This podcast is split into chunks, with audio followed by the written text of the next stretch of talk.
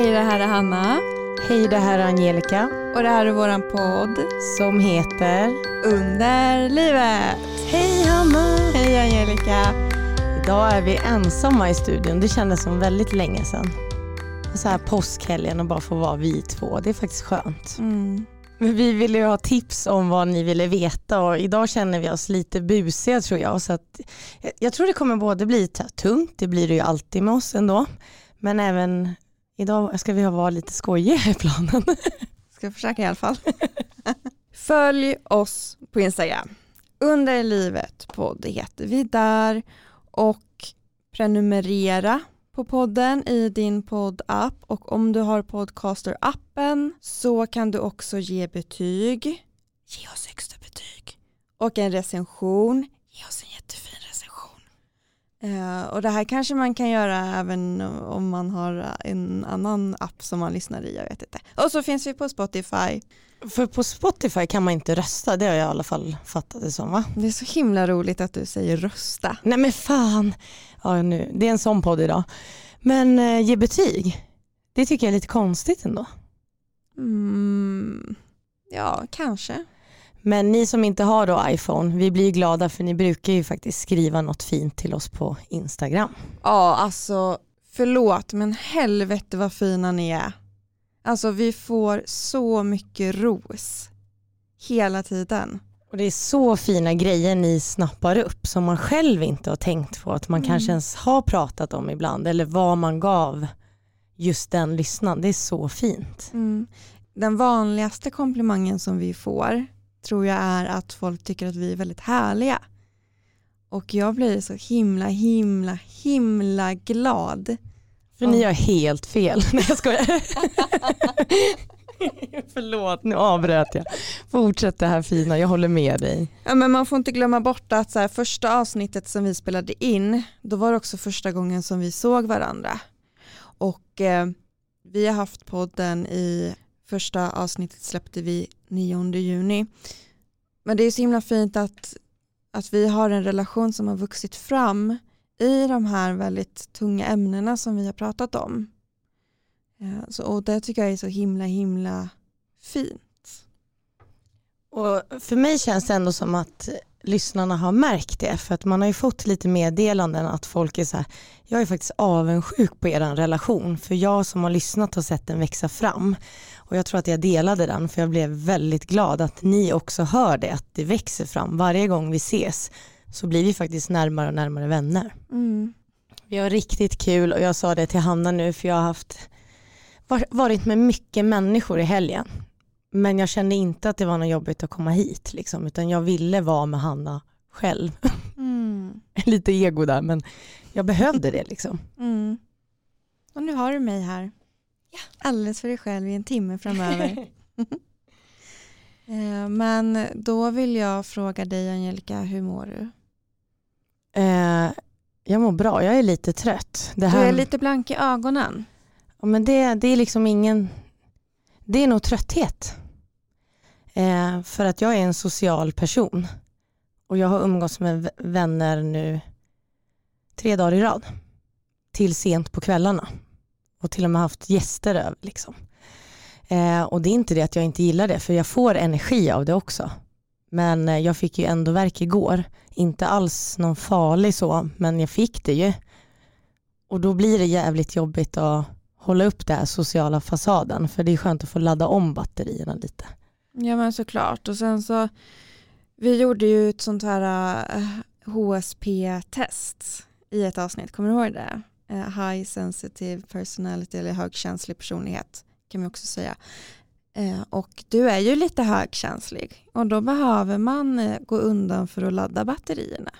Och sen eh, när man har endometrios så är det ju också så att trötthet är ett symptom av att gå runt med inflammationer i kroppen. Så det är inte alls konstigt att man faktiskt behöver gå undan lite och ladda lite. Och du Hanna och ni andra som har endometrios eh, kanske känner igen er. Jag tror Hanna gör det men jag tar det här ändå. När man har legat hemma typ, jag hade väl inte ett sko men jag hade ont igår. Det var inte att jag inte kunde vara mobiliserad men jag hade ont. Och när man har ont, då känns dagen efter för det första som att du har varit uppe hela natten. Det känns som att du har tränat, alltså som att jag har löptränat och sprungit en mil. Alltså det är precis så det känns. Man är så slut i kroppen. Och det är där jag är nu, så jag tror det är det du ser på mig. Att man, kroppen orkar liksom inte för att när man har ont så lägger vi all energi för att inte ha ont. Så sen dagen efter, då släpper det lite som att man ruskar sig lite på axlarna så här att oh, nu är det över. Men kroppen har ju tagit stryk av allt du har spänt dig, du har sovit dåligt, du rör dig för du får ont. Ja, känner du också igen dig i det där? Gud ja, alltså jag sitter här och nickar instämmande. Men Angelica, kan inte du ta oss igenom ditt skov? Uh, var det något speciellt som triggade och hur kände du? Kom det plötsligt eller eh, uh, smög det sig på och fick du ta värktabletter och hur? Berätta. Uh, jag får ju alltid ont dagen efter jag dricker och vi hade en jättemysig grillning ute och det var ändå det var kallt men man sitter i solen, man dricker rosé. Så, så fort jag vaknade så visste jag ju. Jag får ju alltid, alltid, alltid ont när jag druckit. Mm, sen så att det är kallt också, man sitter och spänner sig eh, och i alla fall jag, alltid under vinterhalvåret som är jag sämre i min sjukdom. Jag med. Men det där är olika från person till person vill jag också bara eh, tillägga. Nej men så att jag kände ju direkt på morgonen, eh, då var det Alvedon, vetekudde, Alltså egentligen bara ta det lugnt. Eh, och eftersom att jag hade besök i helgen så skulle jag ju vara värd också och vara trevlig. Eh, vilket jag inte har något problem med. Men när man har ont så är, då, då, är det en extra ansträngning och bara det gör en trött i huvudet. Det är därför säkert jag ser himla, himla trött ut. Men då sa jag då till min gäst att ja, kan vi bara vänta en kvart innan jag gör tacos? För det är så här små steg jag har. Jag måste bara sitta en kvart. Jag ska bara lägga mig här när vi kollar filmen. Alltså, jag bara letar ställen att vila på och det är alltid att jag lägger en tidsgräns. Bara, ge mig bara en kvart. Ja, men jag kan göra tacosen. Jag bara, nej men du, du är gäst. Men då har man ju sina det här. Jag måste bara få den här lilla tiden. Även om det är att jag blundar eller tittar på något. Men man måste få gå iväg. Liksom. Har du alltid varit sån? Att du kan ta dig tiden att gå iväg? Ja men hemma är det ju väldigt lätt eftersom att vi var hemma hos mig. Mm. Man kan lägga sig i sängen eller soffan. Men skulle jag gått på en grillning dagen efter då hade jag nog varit tystare än vad jag är eftersom att jag pratar väldigt mycket i vanliga fall. Men jag kanske hade satt mig lite mer på kanten och inte varit den jag är en bra dag som står i mitten. Liksom. Men mm. då backar jag. Men jag blir stolt över dig för att eh, det tänker jag har varit lite av ett problem för dig att faktiskt eh, tillåta dig att backa. Mm, det var ett problem sedan 9 juni, sedan du och jag började podda. Sen har jag börjat lyssna till min kropp. Det är jättebra. Mm. Och det har ju aldrig varit någon konstig reaktion heller. Du har ju haft rätt, jag, men nu vågar jag. Det är ju jättebra. När du vaknade där på morgonen, hade du ont när du vaknade eller var det någonting som smög sig på sen när du stod och gjorde frukost? Eller? Nej, jag hade ont när jag vaknade. Mm. Jag kände direkt. Kunde du sova bra på natten då? Ja, jag har ju ändå bra sömn, väl för bra tror jag. Men när jag har ont då är det svårare att somna in för jag hittar ingen position som är skön. Jag ligger och tar upp benet, jag lägger tyngden med ena benet på men när jag väl somnar då, då går det ju bra. Mm, men du har inga sömntabletter eller någonting? Melatonin tar jag ibland. Mm. Funkar det då? Ja, jag tycker ändå det. Man kommer ner i varv mm. och det är väl det jag behöver då. Mm. Det är jätteskönt. Jag har också melatonin, jag tar det varje kväll. Och sen tog du Alvedon. Funkar det? Nej, men jag, jag är väldigt reserverad så med mina läkemedel för jag hade ändå varit uppe sent och druckit alkohol och så så att jag vill inte ta något starkt liksom på dagen. Men sen på kvällen blev det lättare. Jag hade tensen också. Just det, jag glömde jag till och med visa upp min tens. Mm, bra. Eh, men det var ju Alvedon regelbundet med Naproxen. Men jag tog inget starkare utan jag tog mig faktiskt igenom skovet med det. Ja. Men och de... Naproxen det är ju antiinflammatoriskt. Men det finns inte på, det är inte receptfritt längre.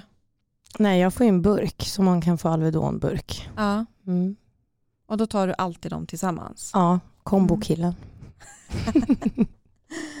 Okej, okay, men hur, hur kommer det sig, alltså du har ju ändå, vad har du, Oxynorm hemma? Oxynorm, Citodon och Palexia. Och vad är det som du tar av de tre Vilken är den första tabletten du tar av de Alvedon och två Alvedon och en Naproxen. Ja, och sen om det inte skulle hjälpa, vad tar du då? Om jag har jätteont då går jag på Oxynorm och går mm. inte det, vilket ofta inte gör, då är det Palexia. Men ibland kan det vara en sån här en mellandag som igår, då skulle jag kunna ta en Citodon. Mm. Så det är verkligen, man känner av sig själv när man tar det. Har du alla de tre utskrivet för endometrios? Ja. Okej. Okay. Alla de har jag på mitt långa recept, min ja. lista. Ja, men det är ju det är tabletter som jag också, ja jag har ju också fått dem utskrivna. Citodon hade jag ju, det tar jag inte längre och den är ju ganska dålig vad jag har fått höra. Men om det funkar för en så, alltså man får väga fördelar med nackdelar. Och det är det, det. ibland får man ju biverkningar av medicinen och jag är väldigt känslig med det så jag tar gärna inte det starkaste först utan mm. ja men typ som idag, man är ledig imorgon och skulle jag komma hem och få skov, ja då tar jag Palex, Palexian. Mm. Och då är det en snabbverkande? Ja för den funkar då, för det är min vad heter det, det är min trygghet att jag mm. har den. Så jag vill liksom använda den när det är som sämst. Så jag försöker härda lite under tiden och även fast Citodon inte hjälper som du säger, men jag tänker i huvudet att det kanske gör någonting ändå. Och mm. Bara att jag vilar. Mm. Eh, jag vill inte göra något den dagen, men Palexen är min trygghet när jag mm. får riktigt ont. Om Citodon inte funkar så tar du Oxynorm. Och om Oxynorm inte funkar, alltså, och när jag säger inte funkar så menar jag att den inte biter på smärtorna. Då tar du Palexia. Ja. Mm. Vad, intressant där för att jag har ju, min ordning är ju tvärtom. Jag tar alltid Palexia först och om jag fortfarande har smärtor som tränger igenom så tar jag Oxynorm. Och för er som inte liksom känner till de här läkemedlen så är det opiater vi pratar om. Oxynorm är väl, är det morfin? Ja det är morfin och man ska ju verkligen veta att eh, Hanna jag har ju pratat med våra läkare så att ja, även om ni har fått utskrivet så jag brukar alltid ge som tips kolla med din läkare vad du får blanda också. För det är ju starka, som när jag i somras skulle hämta ut Palexia när apotekaren bara det är narkotikaklassat och du vet så alla tittar på en och så här, för det är starka mediciner. Ja, ja precis. Man ska lyssna på sin läkare och ta dem så som eh, dosen är. Men man ska heller inte vara rädd för att ta dem och det där har jag faktiskt kämpat ganska mycket med genom mina år som endometriossjuk att eh, alltså jag kan känna mig eh, på något vis lite så här misslyckad när jag måste ta så mycket smärtstillande men samtidigt så kan jag faktiskt genomföra saker och leva när jag tar de här smärtstillande. Och eh, du Angelica tar ju Alltså du försöker ju bita ihop så långt du bara kan och du tar Alvedon och Naproxen och verkligen försöker. Som man inte känner något av men Jaha. Du försöker. Och jag eh, har ju inte, jag tar direkt eh, på Alexia för att alltså jag vet att det inte är någonting annat som funkar för mig. Men då ska du ju också ta det. Jag tar det regelbundet. Ja, men jag tar ju också på läxor. Men vi alla har ju, alla har ju olika sätt att sörja saker och alla har vi olika sätt att behandla vår endometrios. Mm. Alltså jag har ju provat en massa olika. Jag har provat morfinplåster, jag har provat Palexia lång, långtidsverkande, jag har provat massor. Eh, och jag har fått hjälp av en smärtläkare inom endometriosteamet att hitta en bra smärtlindring. Och då är det den här sorten som passar bra för mig och så som jag tar dem, det är inte en långsiktig lösning men här och nu så får du mig att leva. Och också, jag har ju faktiskt en depression och psykisk ohälsa är väldigt vanligt bland oss som har endometrios för att man lever med smärtor, man blir inte hörd och sedd. Man, ja, det finns väldigt mycket som kan orsaka psykisk ohälsa. Jag är så jävla rädd för att få de där smärtorna att det faktiskt skapar en ångest hos mig. Jag kan liksom bli skonad där om jag tar mina smärtstillande på ett sätt så att jag aldrig får det här, äh, den här genomträngande smärtan. Nu har jag haft lite mer sådana smärtor för att jag är obehandlad. Men jag vet inte vart jag vill komma. Men det jag vill säga är att du och jag tar smärtlindring på två väldigt olika sätt. Och jag tror att vi har olika syn på det också. Och inget är rätt eller fel. Och att det är väldigt mycket eh, beroende på vilken situation du är i. Och det är tyvärr så här det ser ut att endometrios är en smärtsjukdom, den är kronisk, det är svårt att hitta behandlingar som drar ner smärtan och det här är en av lösningarna på det. Så är det. Man ska inte vara rädd som Hanna säger. Men man ska hitta och prova sig själv fram på sitt sätt. Och det är det vi sitter här och säger. Men vi ja. äter ändå samma typ av medicin men vi gör det bara på olika sätt. Ja, det blev en jättelång utläggning nu för något jag hade kunnat koka ner till en mening. Har jag ens frågat hur du mår? Nej, men jag vill, jag vill stanna kvar lite vid dig okay. faktiskt. Jag vill veta lite mer. Hur mår du idag med ditt skov? Bra, alltså jag känner av det. Den är en lite mollande som ni droppar vattenfärg och det suddas ut som batikmönster. Så känns det. Vilken fin beskrivning. Ja, men eh, trött bara. Jävligt trött. Men det är inte, det är ju på grund av endometriosen jag har blivit så här trött för jag har ju spänt mig. Men den är okej under livet. Mm, vad skönt. Och du är ju här. Du har tagit dig hit till studion. Vad ska du göra sen då? Eh, då ska jag bara hem till Amelia och ta det lugnt. Ja, vad härligt. Där har vi ingen smink eller ansträngning på hur jag ser ut idag heller utan bara vara. Du är skitsnygg. Jaha, kan vi släppa mig nu då? Nu vill jag veta hur du mår för vi har, en, trots att det ska vara en pratpodd så har vi ändå lite saker vi vill ta upp idag. Ja det är eh, sant, vi kanske vi... ska skynda på lite. Nej men jag mår bra. Jag jobbar på och jag pluggar på. Jag eh, har bara en liten uppsats kvar, sen är jag eh, färdigutbildad gymnasielärare i svenska och svenska som andraspråk. Och jag har fått mens och eh, min läkare var lite, lite orolig för om det var något som gjorde att jag inte fick min mens, alltså PCOS om det fanns någonting som rubbade min hormonbalans. Men allt ser bra ut och jag har nu fått min mens. Och för de som Grattis följer. Igen. Tack så mycket. tack så mycket. Och jag ska tillägga att jag var ju livrädd för, att, eh, för den här mensen. Men eh, det var inte så stora problem faktiskt. Det gjorde inte så ont som jag tänkte att det skulle göra. Men skönt, och sen kan ju det säkert variera. Nästa gång kanske du råkar få ont, men det är skönt ja, att du vet. Men jag trodde ju nu, eftersom att jag inte haft mens på så många år, att nu skulle jag få alltså mensens mens och mensens mensvärk. Det var inte så hemskt som jag trodde. Ur endometrios synpunkt så var det inte så hemskt som jag trodde. Men för en vanlig mens så är det ju såklart att den här var, det, det var mycket smärtor. Men det gick bra för jag är van vid någonting helt annat.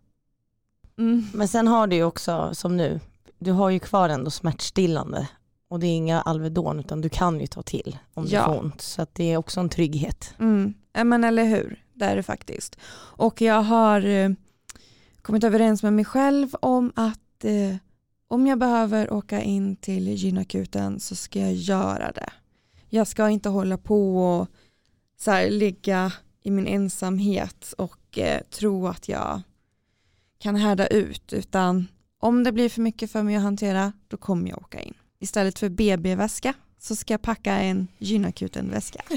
så jag är förberedd. Alltid redo där. Alltid redo. Nej, vi går in i vårt lilla manus här. Vi kommer vilja prata lite om Malou efter tio. Heter det.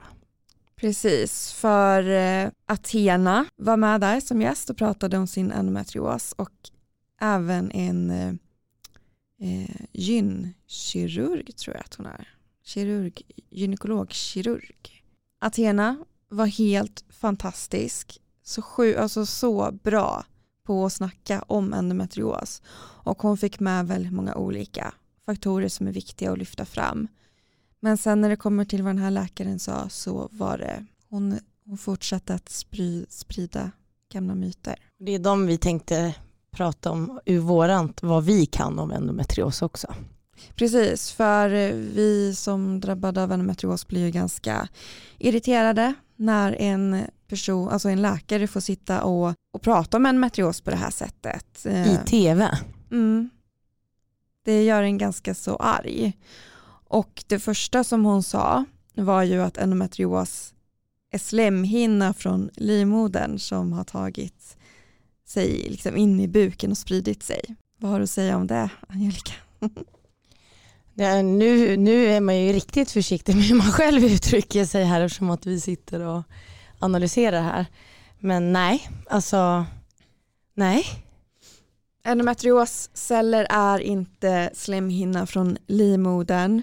Man brukar säga att det är slemhinna som liknar den i livmodern men jag vet inte ens om, om det är rätt beskrivning av det.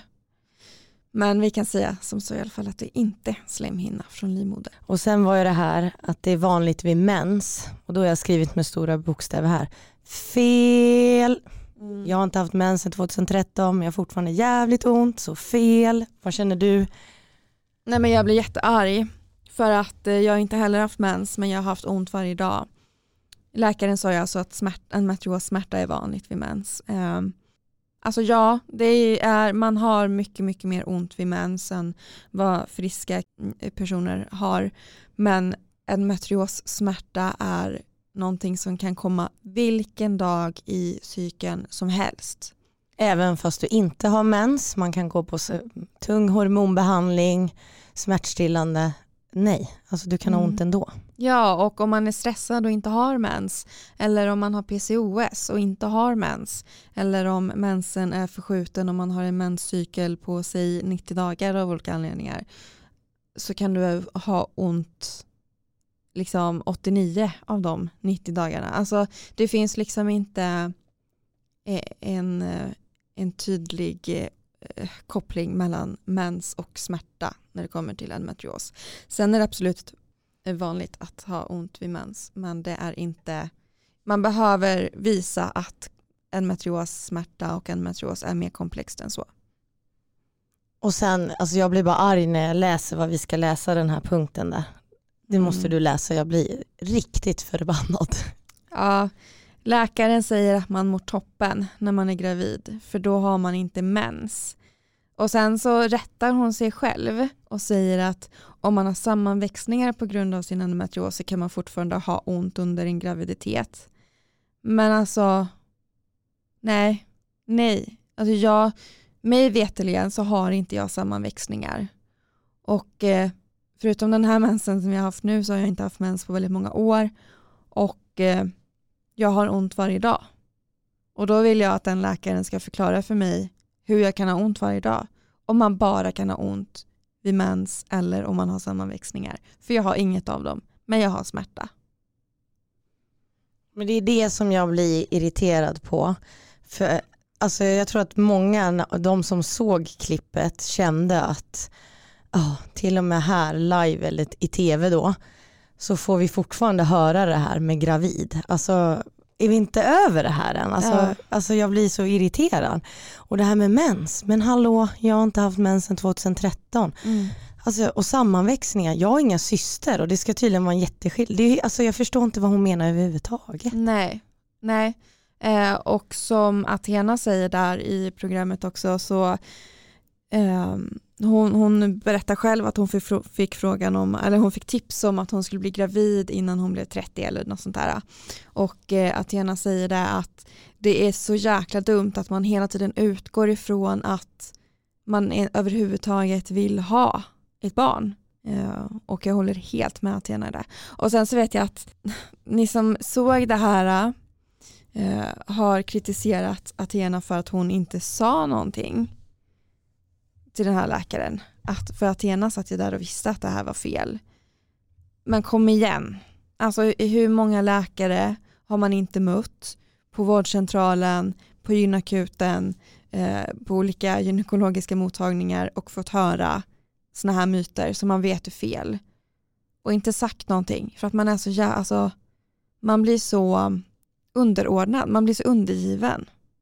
Och jag tänker att hon, eh, eller Athena säkert inte jag hade inte varit helt förberedd heller på att kunna försvara, även fast vi kan det utan och innan. Men man får ju en chock när man hör det här att, ja, att vissa får besvär med endometrios först eller eh, de som får det först kan bli av med det efter en graviditet. Alltså, alltså vi vet ju alla det.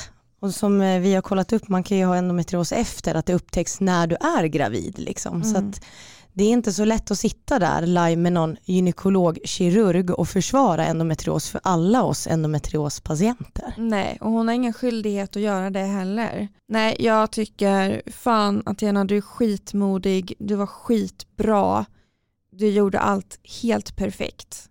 Så vill jag säga. Mm. Och eh, ni var många som ville eh, få en liten uppdatering från eh, gäster som har varit här i studion. Och vi kan säga så att Emma som eh, var med i avsnitt, vilket avsnitt var hon med i?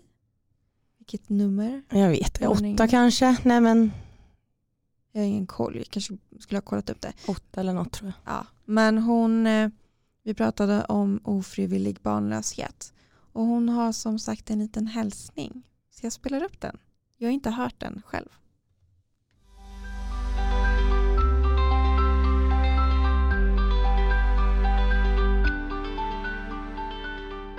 Hej Hanna och Angelica och alla lyssnare till podden Under livet. Jag heter Emma Hedström och jag besökte podden i höstas för att prata om min ofrivilliga barnlöshet och den sorg och den smärta som det medför i mitt liv. Och frågan är ju nu då hur det har gått så här ett par månader senare. Ja, jag är fortfarande barnlös. Jag är fortfarande ofrivilligt barnlös. Det som är nytt är att jag har tagit beslutet att operera bort min livmoder. Jag ska göra en hysterektomi. Eh, och det är på grund av mina otroliga blödningar som jag har varje månad. Jag har ju inte bara endometrios som påverkar det, utan även ett myom i livmodern som eh, har växt något otroligt mycket. När jag var där för sju veckor sedan så var myomet 8 gånger 8 centimeter. Och när jag var tillbaka eh, fem veckor senare, då var den 8,5 gånger 9 centimeter. Så det här är ju någonting som tar över hela mig känns det som. Eh, det här med jobbet påverkar ju såklart också då mina blödningar. Så eh, beslutet var egentligen ganska, ganska lätt att ta. Det är det här jag måste göra för att kunna fortsätta leva ett, ett normalt liv. Dock så innebär ju det att det där lilla, lilla hoppet jag hade om att faktiskt bli gravid, eh, fast jag visste att det var nästintill omöjligt, så fanns det ett hopp. Det hoppet har ju släckts. Det har helt försvunnit och jag kan bara säga att det, det kändes som när, när jag fick höra av min gynekolog att ja, det här att bli gravid, det skulle aldrig gå. Det har hon sagt innan, men nu var det ännu mer tydligt för nu handlar det också om att ett myom tar upp så mycket plats. Det skulle aldrig gå att eh, ett foster skulle kunna växa in i mig. Och när jag fick höra det, det var som i en eh, sjukhusserie.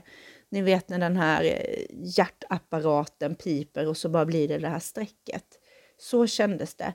Det kändes som det bara klipptes. Det tog stopp, det tog slut och hoppet släcktes och det var en väldigt speciell känsla för jag har aldrig känt så att något bara försvinner, att nu är det liksom över, finito, det finns inte mer.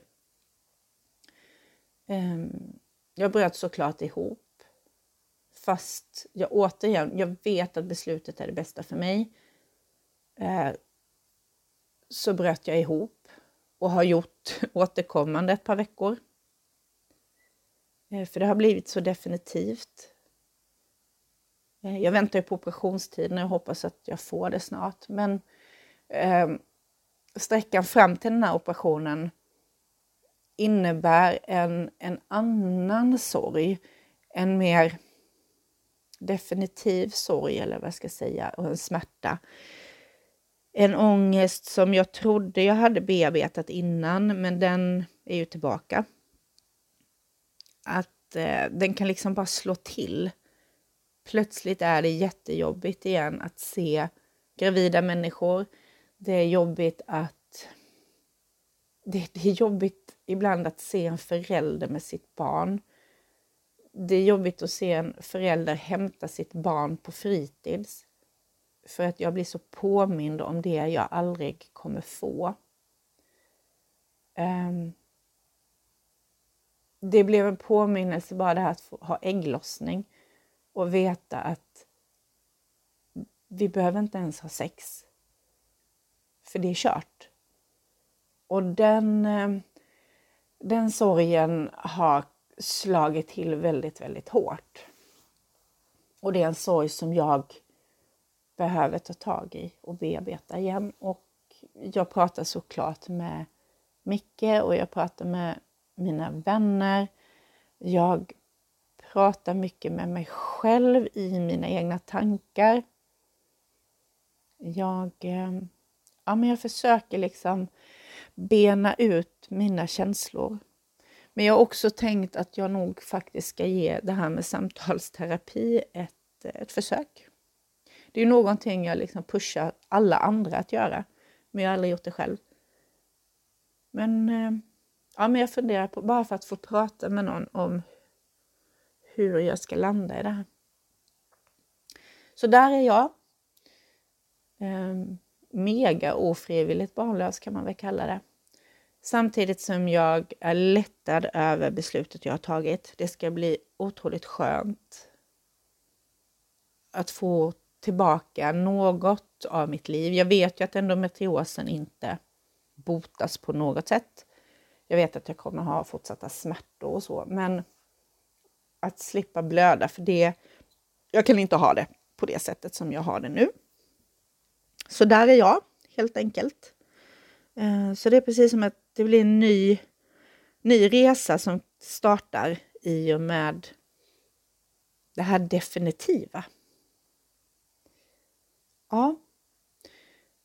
Så vill ni hänga på den resan så är det ju bara att följa vårt Instakonto, endometriosen. För där kommer jag att skriva jättemycket om det som kommer ske inom mig, både fysiskt och eh, psykiskt. Eh, tack alla ni för att ni är så fina människor och att ni peppar. Ta hand om er. Stor kram!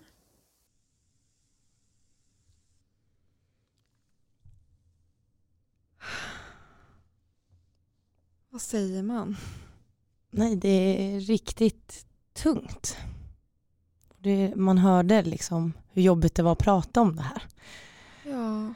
Och vilket man förstår. Men hon har ju rätt tänk med det här att nu blir det äntligen definitivt och det kanske hon vill ha. För vem vill gå med de här enorma blödningarna om man vet att man ändå inte kan an alltså, använda sin ägglossning till något. Ja. Hanna blir ledsen nu. Ja. Emma är så himla bra på att beskriva hur endometrios och allt till känns. Och jag tycker verkligen att man ska gå in på endometriosen och följa Emma och alla andra kvinnor där för att Emma skriver på ett sätt som är helt förtrollande. Men jag kan, jag kan liksom verkligen känna Emmas smärta och sorg.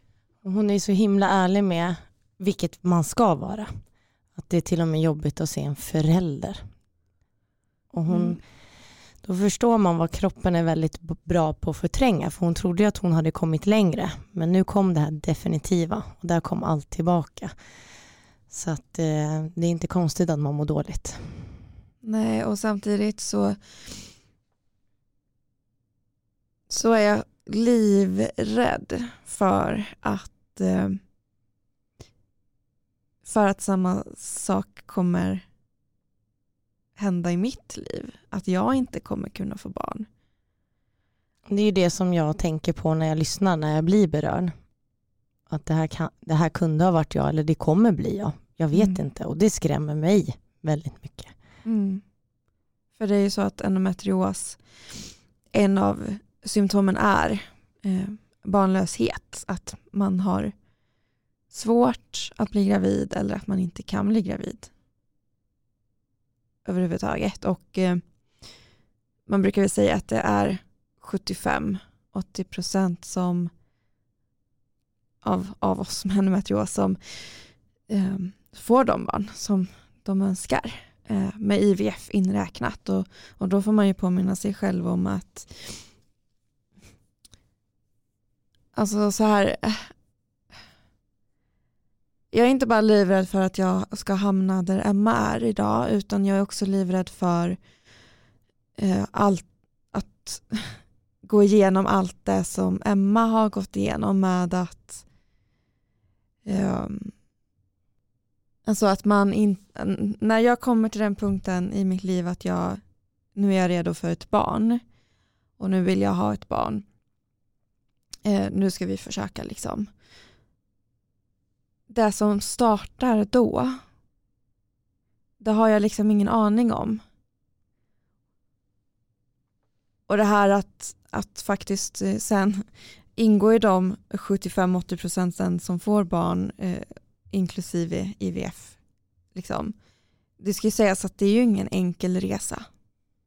Även om man faktiskt sen eh, äntligen, äntligen får det här barnet som man önskar så har man också genomgått ett trauma.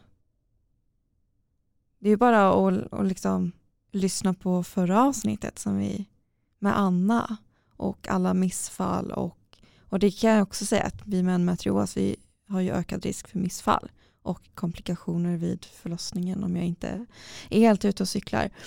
Um, oh, och jag tycker att man faktiskt ser för lätt på det, eller läkarna ser för lätt på det när man, nej men det är 75-80%, det är många.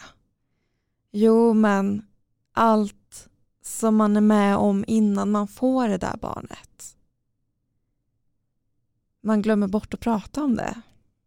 Att det är en kamp innan. Det kommer inte vara lätt antagligen.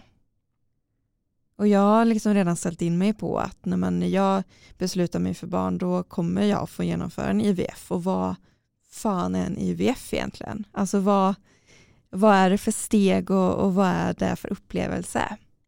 Och vi kommer att prata om det framöver eh, nu under våren i, i podden med gäster. Eh, och jag tycker att det också är så jävla viktigt att prata om. Att ja, men den här ofrivilliga barnlösheten som Emma är så fantastiskt bra eh, på att eh, liksom sätta i ord vad man upplever men också eh, svårigheterna kring att bli gravid eh, som endometriospatient. Liksom. Vad, vi måste prata mer om de här svårigheterna och vad de verkligen innebär. Det, jag tycker nästan att det känns lite jobbigt att prata om det här. Men det är väldigt tungt, ja, absolut. Jag tycker det är jättejobbigt. Men hur känner du då Angelica? För du är ändå du är äldre än mig och du är singel och du har endometrios. Självklart är det ju en press. Jag har ju jag ska ju ha något samtal med min läkare i alla fall med plan. Jag vet inte. Jag har fått höra om man kan frysa ägg och allting. Men jag tänker att jag tar emot allt med öppna armar. Alla yrkesprofessioner som ingår i det här krissamtalen men just nu är jag ju 31 men endometriosen gör att jag redan har det svårare även fast jag är 31. Jag kanske inte kommer vara medelåldern i Sverige eller i Stockholm som har barn när de är 37-38. Det kommer inte vara jag, det vet jag. Jag kommer behöva ta ett val innan 35 här nu men eh, vi får se det samtalet när det väl kommer. Men jag kommer ta emot allt med öppna armar och våga berätta om mina rädslor. Och det är också där, ska man överväga att skaffa själv? Hur klarar psyket det? Alltså det är så mycket tankar. Mm. Men det är klart, jag är ju pressad, det är jag ju. Men jag kan ju inte vara så pressad för jag har ju ingen partner heller. Så det, jag försöker att inte tänka så mycket på det egentligen. Mm. Men självklart ligger det ju där. Mm. Hur ofta tänker du på det då? Jag tänker på det nu för det är många av mina nära vänner som är gravida. Ja eller planerar att skaffa barn. Jag kan inte ens planera att skaffa barn utan det jag kan planera nu det är om jag vill skaffa själv. Men jag känner att jag är 31, jag vill ändå vänta lite i så fall. Och när den dagen kommer kanske jag inte alls vill skaffa barn själv. Jag vet inte, det är det du säger, det här känslomässiga traumat. Vad krävs det? Ja, IVF och hur mår man under en IVF? Är det säkert att man inte får ett missfall med tanke på förra avsnittet? Det är jättemycket som skrämmer en. Också att det inte pratas om det så mycket. Mm. Har du, när du, när du föreställer dig att du eh, får barn på egen hand, eh, självstående mamma, tar du med i ekvationen då att du är sjuk i endometrios och att du har det ganska tufft? Ja, annars hade jag nog inte ens övervägt det, utan då hade jag ju velat hellre vara då en mamma som är 37, för jag det jag vet är att jag skulle vilja ha barn och det är sent. Mm. Det har jag alltid vetat. Men att det ändå har en press nu på grund av endometriosen. Ja, det gör det ju lite läskigt alltså. Mm. Ja, man får tänka på ett annat sätt. Men annars hade jag nog inte gjort det om jag inte var sjuk. Ja. Eller då hade jag inte ens tänkt tankarna kring det. Nej, och det är det som är så jävla störigt. Att man, man tvingas tänka på saker som andra in, liksom bara sker för andra. Eller så här, nu är, är det ju inte så lätt för alla andra heller att bli gravida men man behöver, ja, jag vet inte. Vi måste ha med vår ekvation och det är vår sjukdom. Ja. Och det, då måste man räkna på hur mycket orkar jag? Vad är min alternativ? För många har ju inte som det går bra för, absolut som du sa, det kan hända. Men för oss finns, vi har ju alternativ, IVF. Mm. Eh, skaffa barn snart för då endometrios det kan bli svårt. Skaffa barn ensam. Det är inte alla som ställs inför de valen som vi. Nej, precis. Och jag har till och med funderat på så här, orkar jag vara förälder? För jag är sjuk. Och, och där kan jag ju bara tacka för att jag är i ett förhållande. Alltså att det här barnet kommer att få föräldrar. Och det är ju någonting som du kommer behöva väga in om du eh, funderar på att skaffa barn eh, som självstående. Ja, det måste man ju, men det kommer ju vara jobbigt då. Men som sagt, jag är inte där. Jag vill ha infon och allting. Men sen är det också så här, sen kanske jag träffar någon om ett år. Ja. Och då kan man få faktiskt göra den här resan tillsammans med någon. Mm. Men just nu är jag inte barn nära alls. Nej. Nej, gud. Uh, man kan prata om det här hur länge som helst. Uh, och vi tackar Emma så jättemycket för att vi fick den här hälsningen från dig och vi önskar dig all lycka till verkligen. Stor kram till dig Emma. Mm, puss och kram. Jag tänkte vi har lite frågor eftersom att vi skrev på Instagram. Jag tycker vi har fångat upp det mesta där. Mycket är att ni vill upp, att vi ska uppdatera om hur vi mår. Eh, generellt, gärna berätta om ert liv. Vi vill lära känna er bättre. Mm. Eh, prata om endometrios och hur er vardag kan bli. Tycker jag vi ändå fångat upp lite nu. Mm. Inte endometrios hela tiden men senaste veckorna.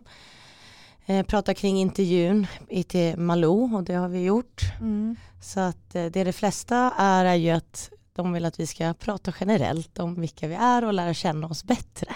Mm. Och vad är ni ute efter då? Endometriosen vill ni ju lära, där har ni fått en liten bild om vilka vi är som endometriossjuka. Mm. Vilka är vi då? För vi är ju inte vår sjukdom. Jag tror att det är det de är ute efter. Bra där. Mm. Precis. Jag har en liten efterlysning faktiskt som jag kan eh, dra nu apropå det här. Jag vill ställa mig i kö för ridskola nu när jag äntligen kommer få en inkomst. Och jag är ju hästtjej utan häst och stall just nu. Så att om någon i Stockholmsområdet har eh, tips på bra ridskola så säg till mig. Jag vill börja på en ridskola där det inte, ja, jag vill inte att det ska vara någon så här pre, eh, pretentiös kultur. Eh, utan det ska vara härligt att komma dit. Det ska vara mysigt bara. När du hittar din hobby, ja. vad kul. Mm. Jättekul och jag tänker att det kommer vara så himla bra för kroppen också. Det eh, kommer såklart vara jättetufft för ljumskarna och, och, och magen och sådär. Eh, men jag tänker att det kommer också vara så otroligt bra träning. Så att eh, det är nog bra för smärtorna i långa loppet. Det är det vi måste tänka i långa loppet. Jag har ju tränat två till tre gånger i veckan nu sedan träningsavsnittet. Alltså, ja men alltså jäklar. det är sjukt att jag har orkat. Alltså, men vet ni hur dåligt, jag, jag har jätteont den när jag kommer hem. Men det släpper också så jag tänker långsiktigt är ju det här bra. Så även fast jag har ont nu så tar jag mig ändå dit och det tar jävligt mycket kraft att ta sig dit. Alltså man vill ju inte stå på det där löpandet. Det är liksom 30 minuter, ja vad blir det, en och en halv timme av en vecka. Alltså då, det är så jag börjar tänka på hur lat är du och det här är bra för dig. mm, ja. Vad gör du då när du är på gymmet? Jag springer Ja. nästan bara, jag är en riktig löp och så kör jag inte mycket maskin utan jag kör bra träning för min kropp med mina egna vikter, liksom min egen kroppsvikt. Mm. Eh, och dagar som jag känner, äh, idag har jag ingen bra dag, nej men då joggar jag istället. Jag behöver inte springa på tian som jag gör, men ibland har jag den feelingen nu och det är jäkligt kul att veta att det finns kvar. Men jag Mm. får ont. Mm. Direkt jag kommer hem haltar jag. Mm. Finns det någon bastu? Nej, men vi har ju simkorten men de har inte öppnat än så där ska vi börja basta Amela och jag sen på Ja. badhusen. Men inte på mitt gym. Nej men eh, så det var jättebra att vi har kommit igång. Du, bara, bara den här efterlysningen är bara bra för att få en push liksom, och ta sig iväg och göra något. Ja men exakt, exakt. Men jag tänker så här, ska vi prata om lite hemlisar eller någon historia man har varit med om? Det behöver ju faktiskt inte vara endometriosrelaterat. Nej. Ja. Så har du någon hemlis som du vill dela med oss? Ja men vi fick ju frågan om, om vi hade några pinsamma endominnen. Och eh, alla minnen som jag kan komma på är, är, rel- är bajsrelaterade. För att jag, mitt, Åh gud jag vet inte om jag kan bra, liksom berätta. Det är tur att ingen ser oss nu i alla fall. Gud jag har så många bajshistorier. Eh, när man har endometrios så har man väldigt dåliga tarmar. Antingen är man väl förstoppad mycket eller så kan det vara så att eh, det kommer ut mycket och snabbt. Och jag har haft det problemet att jag har haft mycket, mycket diarré. Mycket och många diarré. Och eh, en av mina, ja, jag vet inte om jag kan säga det här. Men gud, kom igen. Jo, jo, här har jag delat om mina blodhistorier. Ja. Okej, nej, men jag och Olof har varit på Bali och utanför Bali så finns det Gili Islands och det är tre öar som alla är så små att man kan cykla runt dem på en timme. Liksom. Den största tar en timme, de andra eh, vet jag inte ens, man kanske inte kan cykla runt för att det bara är liksom sand. Men ja, de är små. De är små. Och eh, när vi är på en cykeltur runt den här största ön så måste jag gå på toaletten. Nu. Nu. Och ni, ni som vet, ni vet. Vi vet. Så jag slänger av mig cykeln och tänker, kollar mig omkring och liksom vart kan jag bajsa? Vad kan jag skita? Vart kan jag skita? Och jag ser liksom en öppen eh, terräng, okej, jag analyserar fort att där, kan jag, dit, åt det hållet kan jag inte gå. Tittar åt andra hållet, hav. Jackpot. Så jag slänger av mig mina shorts. Vadar ut i, i vattnet liksom så att det kommer midjehöjd. Sen drar jag av mig mina trosor och eh, bajsar. Bajs flyter i hav, kan jag säga. Och det värsta är att jag inte var ensam i havet. Utan att det var några barn där som snorklade. En bajs i Bali. Gud. Alltså det här tycker jag, har jag berättat det här nu i en podd för alla att lyssna på. det här är ju det lyssnarna menar. Vi gör ju också bort oss, men också att vi har inga val ibland. Nu var det ändå lite endometriosrelaterat. Ja, och jag kan också säga att jag har, ja, jag har bajsat stopp i toaletter. Jag, jag ska inte berätta hur man löser en sån situation. Om ni, skri- om ni verkligen vill veta ska jag skriva det till er, men jag tänker inte berätta det här. Och eh, jag är en super Håkan Hellström, eh, eh, ett, ett super Håkan Hellström-fan. Jag har nog gått på säkert 40 av hans konserter. Och han spelar på Peace and Love eh, 2008 eller 2009. 2009 var det nog. Och eh, då har jag stått längst fram vid den här stora scenen hela dagen och Håkan Hellström spelar sist av alla. Han går på kanske så här ja, 23 på kvällen. Och eh, när bandet innan spelar så känner jag att jag måste bajsa. Jag måste bajsa. Och då står det ju liksom 20 000, nej 10 000 bakom mig. Och liksom det är, jag står ju längst fram i mitten vid den största scenen på Peace and Love. Det är, det är tryck. Om jag, om jag, jag kan inte komma härifrån. Så jag blir överlyft av en vakt. Hur kom, hur kom det sig att han lyfte över dig då? Nej men jag var väl lite mer så här, jag kommer svimma, jag måste ut. För det var väldigt mycket tryck också. Eh, och vi hade stått där, det var 30 grader hela dagen och så äter man dåligt. På kvällen så mår ju inte en endometriosmage speciellt bra. Så jag blev överlyft, får komma till sjuktältet och där säger jag liksom, ja, och då vill de liksom, Sjuktältet, jag ska bara bajsa.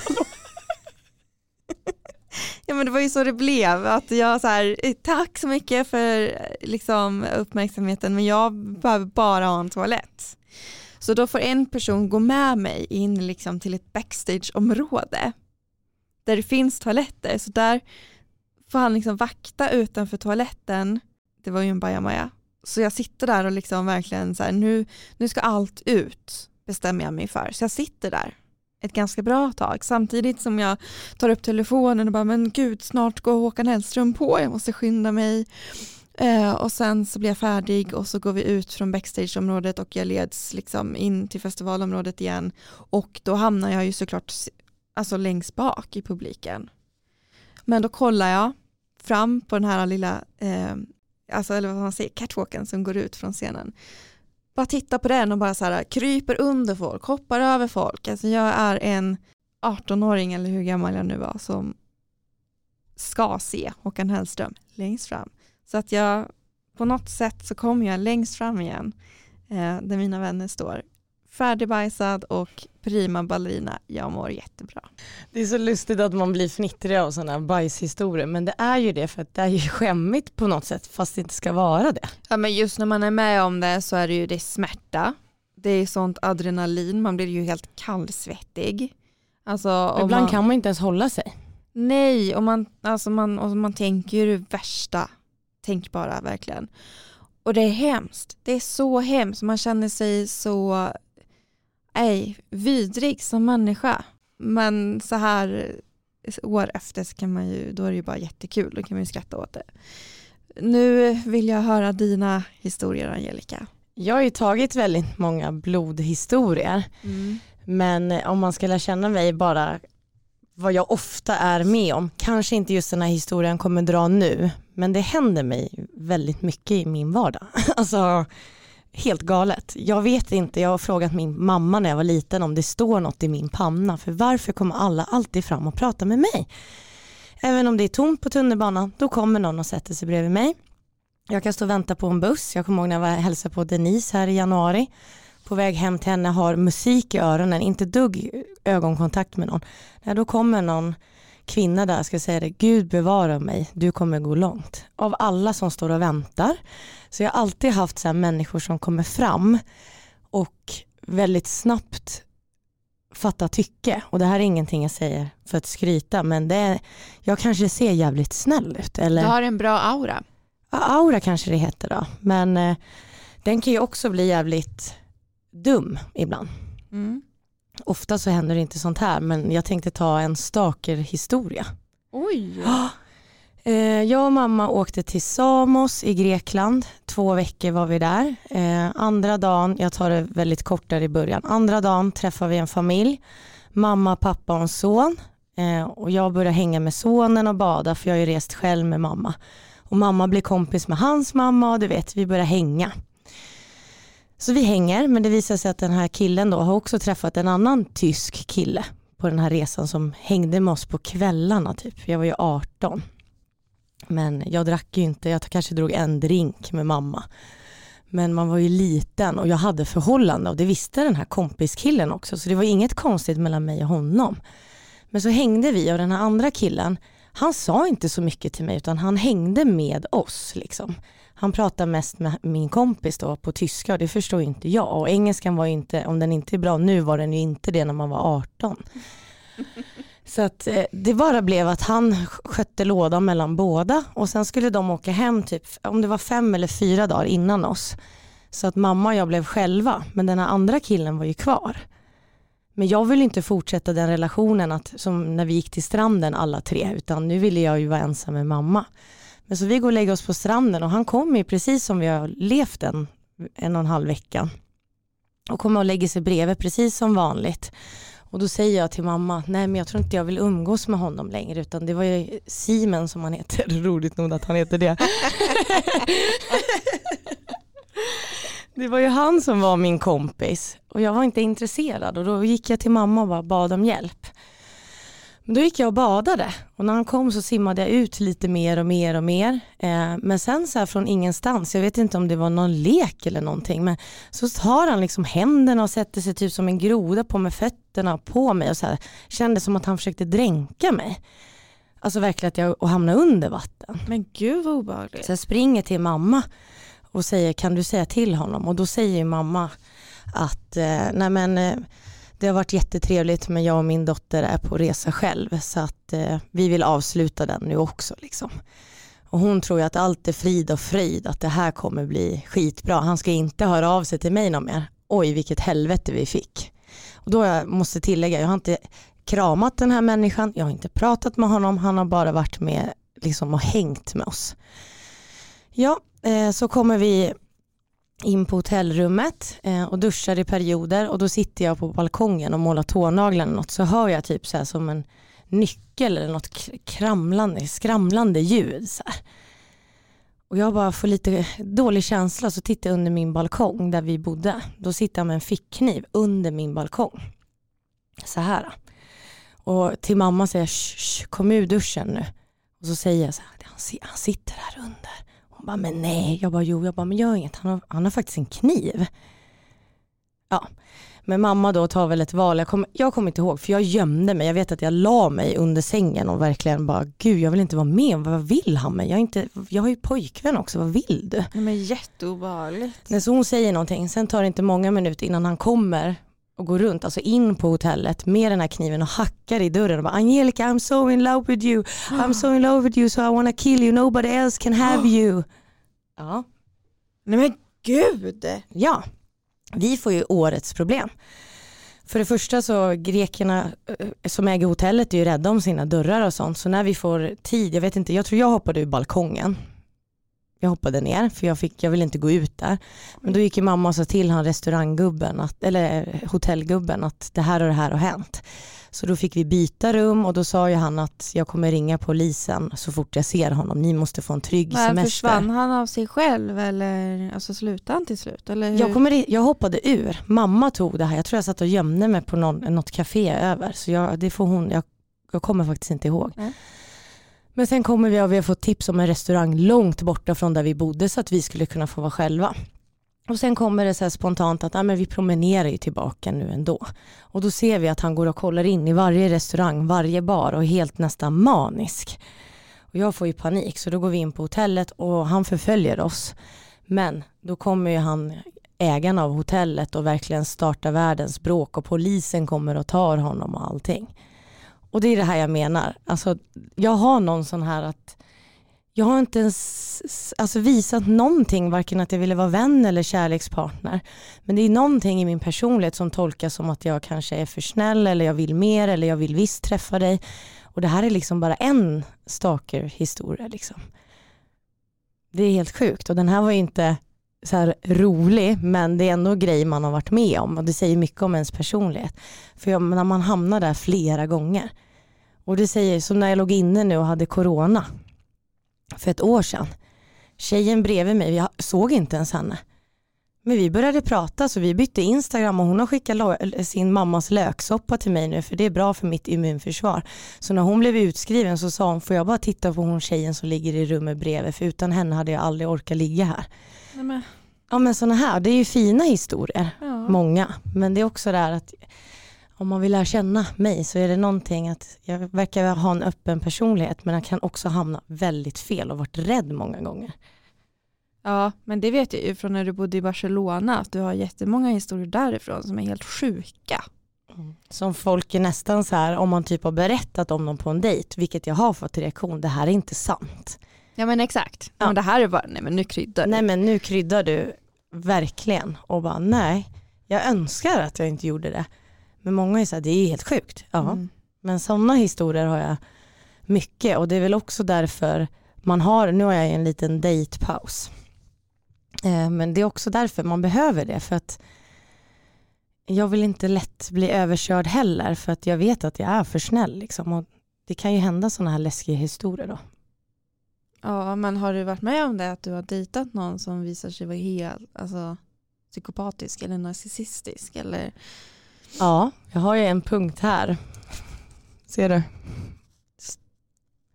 oj ja jag ser Nej, men en en- kort historia lång. Ja, det var en kille jag dejtade som var psykologstudent i Göteborg. Och vi hade jättetrevligt och hängde och det var mitt i sommaren, det var den här varma sommaren och ja men du vet det var härligt, vi gjorde mycket saker men sen kom det till en punkt när jag ändå insåg att nej men nu vill inte jag dejta någon mer. mm. Och då kunde han skicka snapchats när han satt utanför mig, han kom till Borås, han bor i Göteborg. Eh, han blev helt manisk i sitt sätt att skriva. Liksom. Och bara du kan inte lämna mig och nej jag är så ledsen nu så jag ska åka utomlands en vecka och så förlåt om jag stänger av mina sociala medier. Jag var ju så här, gud vad skönt typ. Och sen var jag hemma hos Denise, en av mina bästa vänner och han hade inte stängt av. Du vet sen när någon har lagt upp så mycket stories att det bara handlar om att visa mig. Så här. Älskar hundar för jag hade en hund och det var så här helt sjuka grejer. Så till slut sa jag att jag kommer radera allt med dig liksom. Och blockade. Men han kom ju till Borås så jag fick ju sova hos Denise för jag var ju rädd att gud tänk om han står bakom min dörr någon dag. För han kunde inte ta ett nej. Men gud vad gjorde han i Borås? För- Var han där för att han skulle leta upp dig? Ja, han bor i Göteborg. Så han skickade en snapchat, sitter vid Borås resecentrum, säkert kanske ville veta om jag var hemma eller någonting. Eh, skickade när han utanför på min parkering. Men han kom inte in i porten som tur var. Men han var ju där.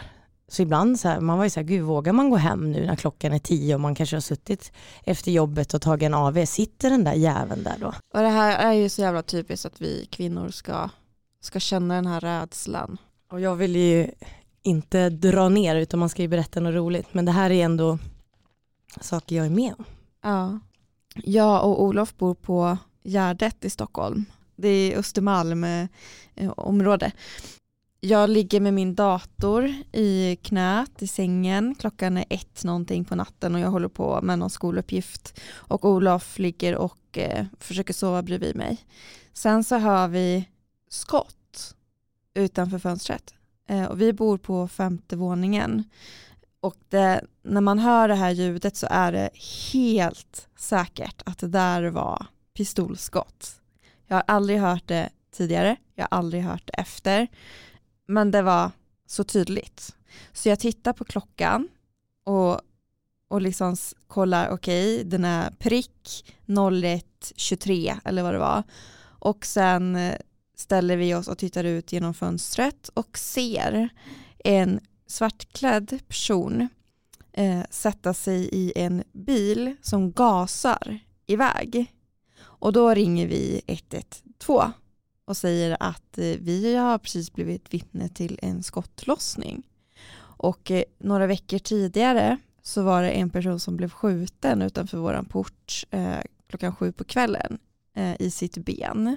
Så personen klarade sig. Eh, men eh, vi visste liksom att det pågick grejer.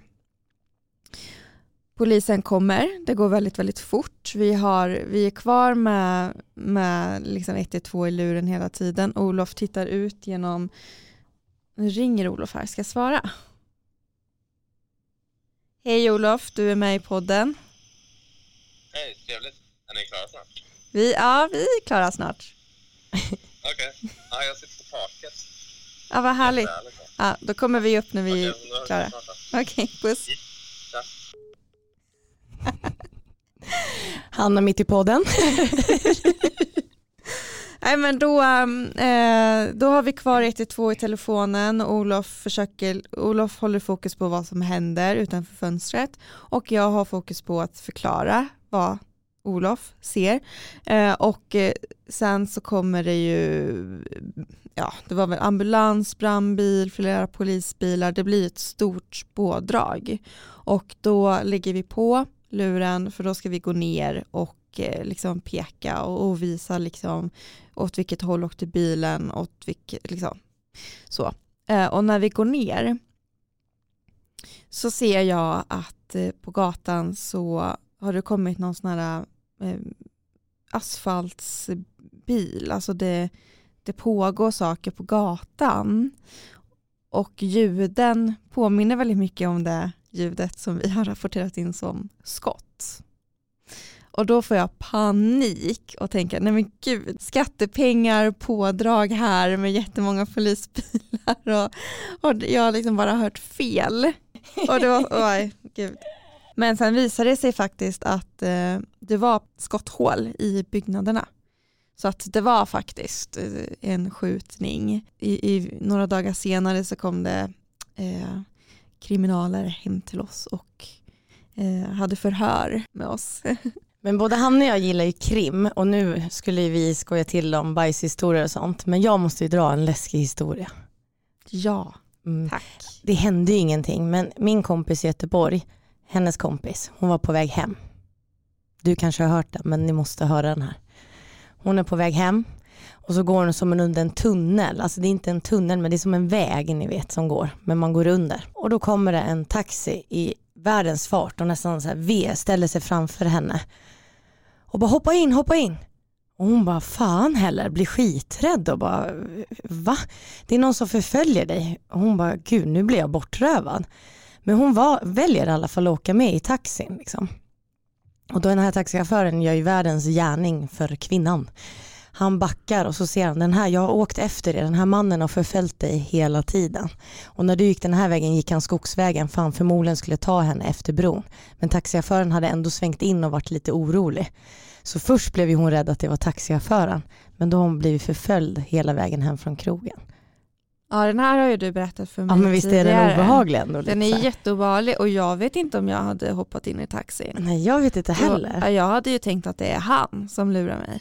Ja, tänk att någon kommer och du är ändå smått berusad. Hoppa in, hoppa in, det är någon som förföljer dig. Det kan ju vara världens knep bara. Så jag trodde ju först, för hon drog det lite kortare, men nu körde jag en snabb, snabb story. Och jag trodde hela tiden att det var taxichauffören. Nej precis, eh, du, ja men precis, hon drog den lite längre. Ja, Så nu fick ni reda på det direkt att det inte var det. Ja. Men innan så trodde man ju, oj vad hände sen? Liksom. ja. Men sånt här, vi, vi gillar ju att prata läskiga saker också, så jag Ja. kände att det var lite kul att gå in på sånt. Även fast det här var hemskt det som hände. Men, men att det gick ju bra. det gick ju bra. Jag vill inte avsluta men Olof eh, verkar vilja ses. Eh, och vi är ju klara med oss. Vi har haft våran, våra monologer så att det har varit lite skönt idag faktiskt att bara ha ett avslappnat avsnitt utan gäst också. Mm. Det har det. Och jag vet att vi fick en fråga av någon som löd ungefär hur kan man göra vården mer jämställd? Vi kan säga så här att eh, vi, vi kan prata lite mer om det framöver för att vi har blivit erbjudna ett projekt, att vara med i ett projekt som vi är väldigt, väldigt taggade på. Som handlar lite faktiskt om att göra en skillnad eh, där. Och vi håller lite på det för vi vet inte all info än men vi kommer ju få vara med i något stort för oss i alla fall och för Ja. andra. Ja, och det var lite det här som jag menar med att det är viktigt för oss att varumärkesskydda. För det är precis ett, ett sånt här arbete som vi vill göra med podden. Använda poddens namn för att eh, jobba i andra projekt. Ja, jag vet. Nu blir det så här luddigt och En cliffhanger, Ja. men det är väl lika bra för att då vet ni att någonting är på gång och vi vet själva inte så mycket nu men det kommer hända någonting. fall. Ja, och jag och Angelica brinner för jämställdhet och kvinnohälsa. Eh, och vi gör allt vi... Nu lät det som att någon... ja, det är en man här utanför som snyter sig. Ja, okej. Men eh, tack så jättemycket Angelica för alla historier som du har Och bjudit tack på. själv. Jag tar med mig många hem och skrattar ikväll. Gör det. tack för idag. Tack för idag. Hej då. Puss puss.